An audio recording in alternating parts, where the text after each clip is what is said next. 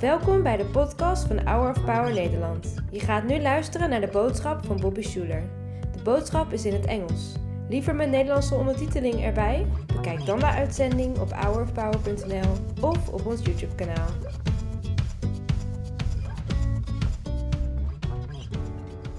Well, welcome to Caesarea Philippi. It is such a joy to be here with you. This is a beautiful place in Israel. It's now a national state park. This way or so is the Golan Heights, and on the other side you can see Syria and Lebanon. You might hear a fuzzy sound beneath me. That's a big river that's flowing from this grotto cave that's behind me, which is in its day was called the gates of hell. We're going to talk about that in just a little bit.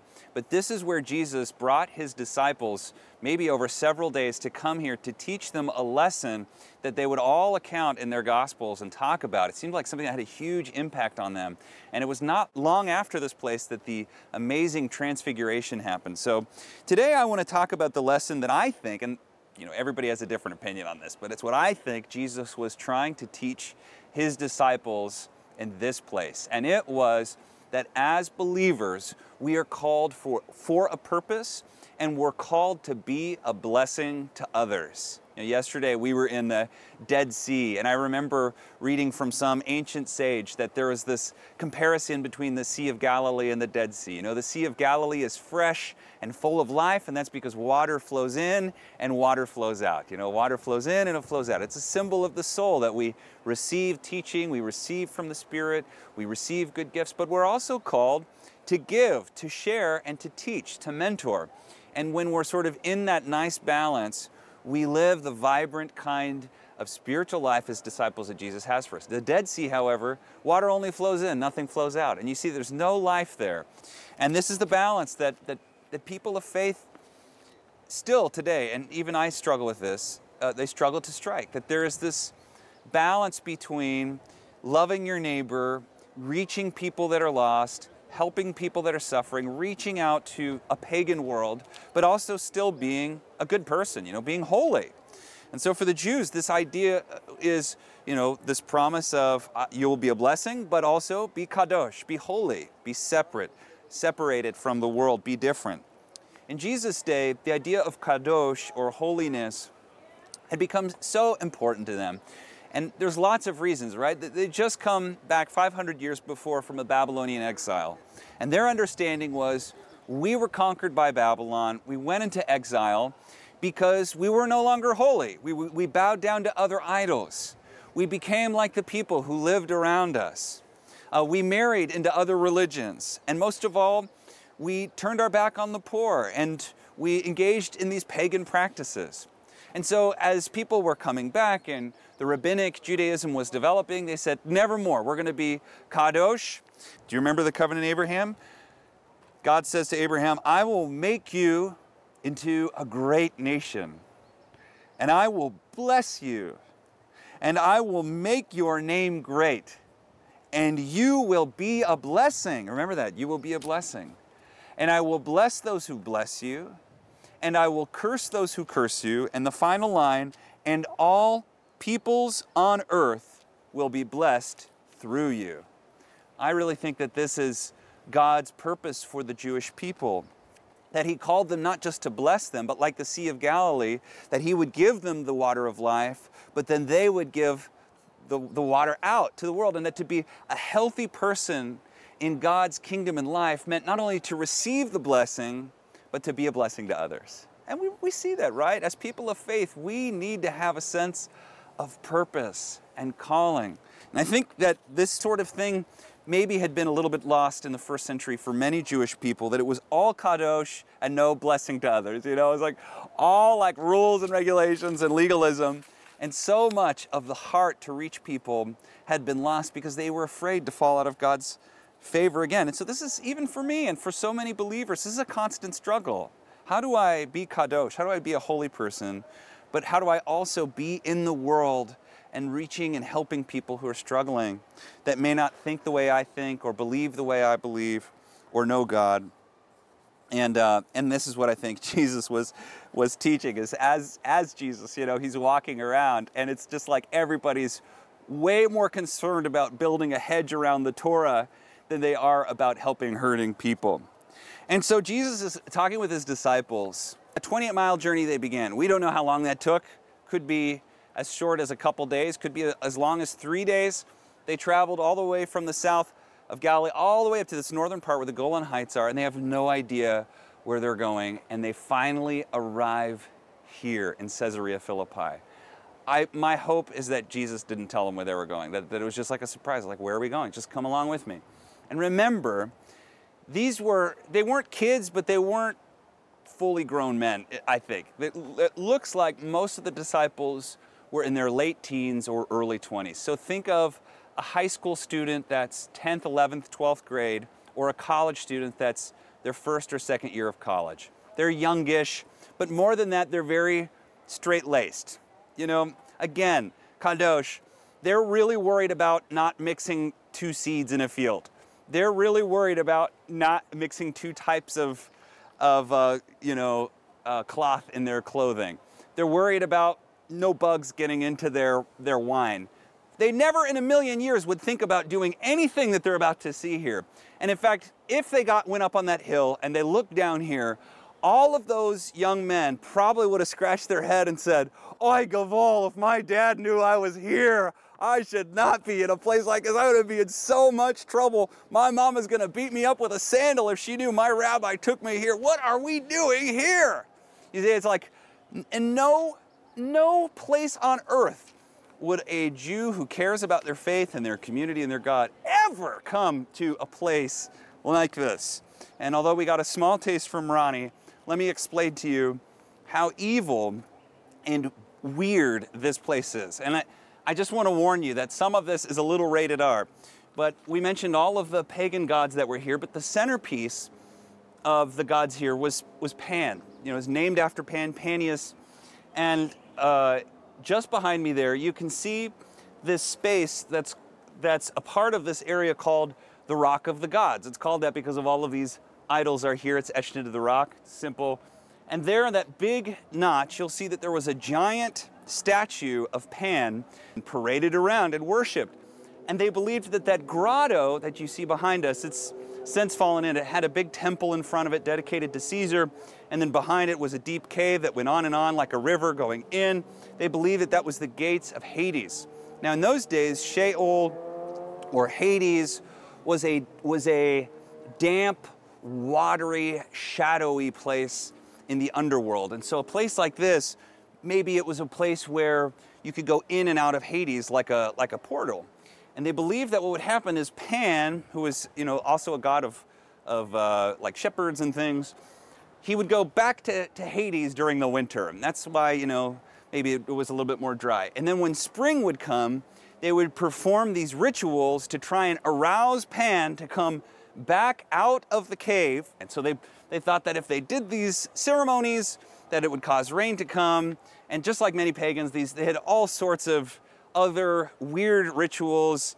But when the, when the disciples were there, they would look down and they would see this mob of priests and sometimes pilgrims who are visiting in the center that's sort of the, the, the capital of Pan worship, the Vatican for Pan worship, and they would just see this utter chaos. In fact, that word panic and pandemonium, they come from what's happening here when people get to such a height of arousal through alcohol, narcotics, and this festivities that are going on and these orgies that that when it was all happening there would be music and shouting and, and it would be utter chaos and it would be the, the opposite of what a young Jewish man would experience uh, in, his, in his life if he was a faithful Jew.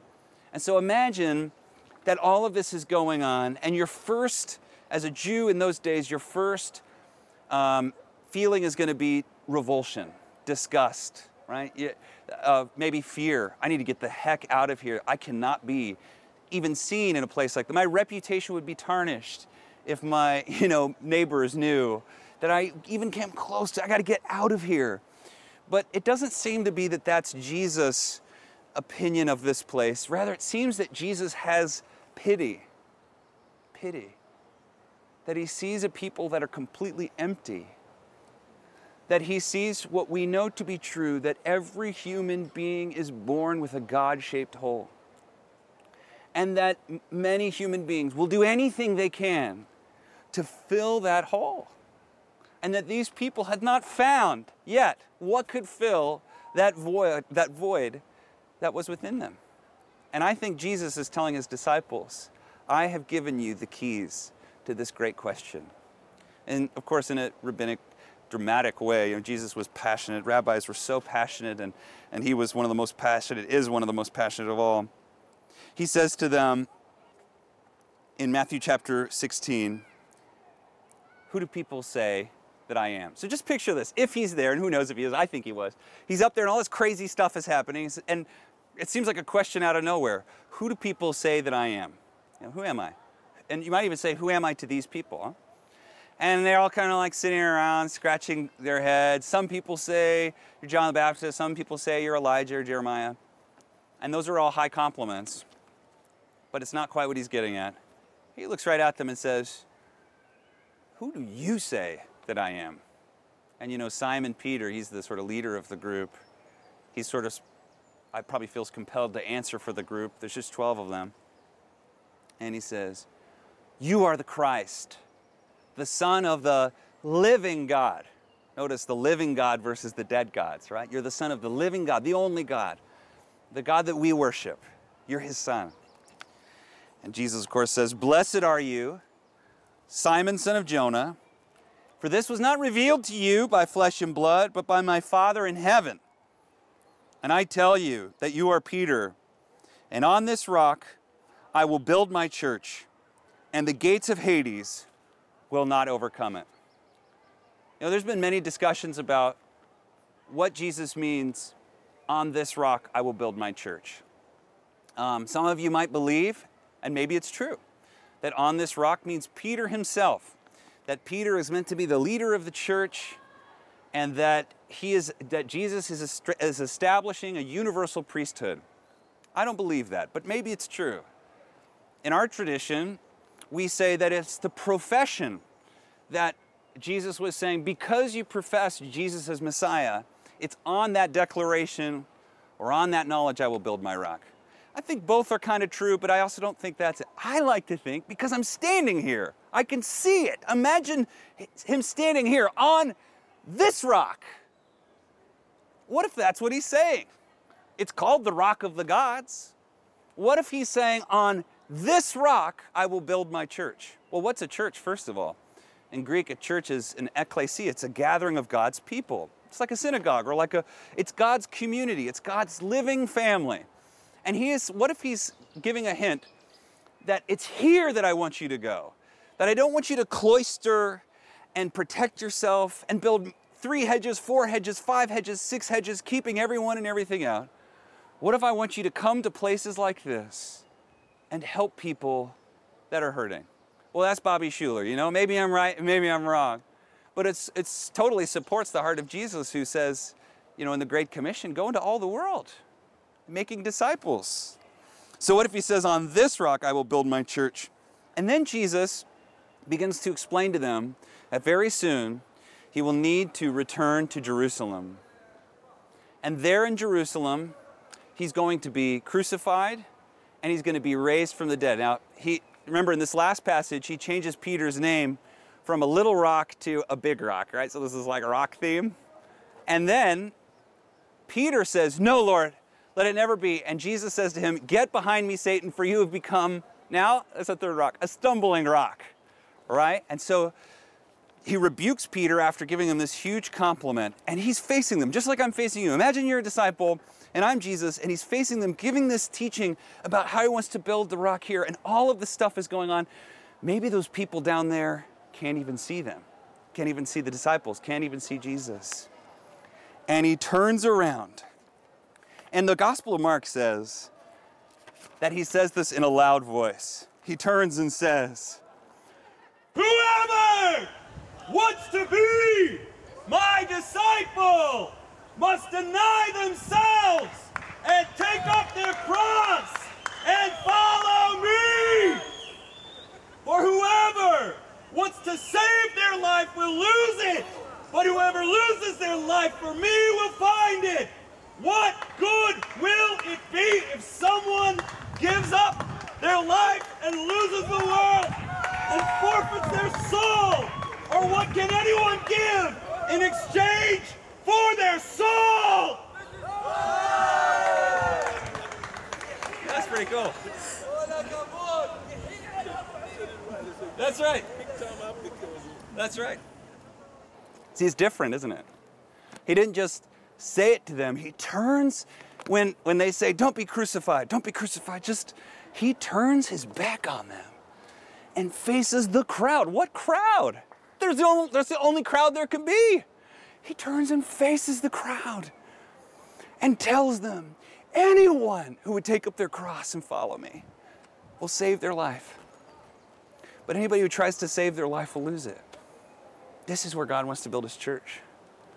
He wants to build it where people are hurting and people are suffering, people are struggling. I don't think I said it right totally because uh, they were cheering me on, but that was pretty cool. That was nice of them to do that. the world needs the Lord. You see, that is God's heart. God's heart is mercy and grace. And people of faith ought to advocate for the people that are in places like this. People of, of faith ought to fight for people that are stuck here. I was stuck here. Maybe you were stuck here and someone fought for you. We also need to fight for people who are lost and don't know what that empty chasm is within them, but need someone to fill it. I know you can do it. I know you can do it. So, Father, we come to you in Jesus' name and we ask in your spirit that you would help us know how to reach people who are hurting and who feel empty and who feel lonely. And not in a religious way, not in a way that's um, condescending or, or any of these things, but in a way that's truly loving in your spirit, Jesus. Help us to reach people who need you and maybe need us. Help us to have eyes to see and ears to hear. And we pray it all in the strong name of Jesus. Amen. Bedankt voor het luisteren naar de podcast van deze week. We hopen dat deze boodschap jou heeft bemoedigd. Wil je meer weten over Hour of Power of dagelijkse bemoedigingen ontvangen? Ga dan naar www.hourofpower.nl.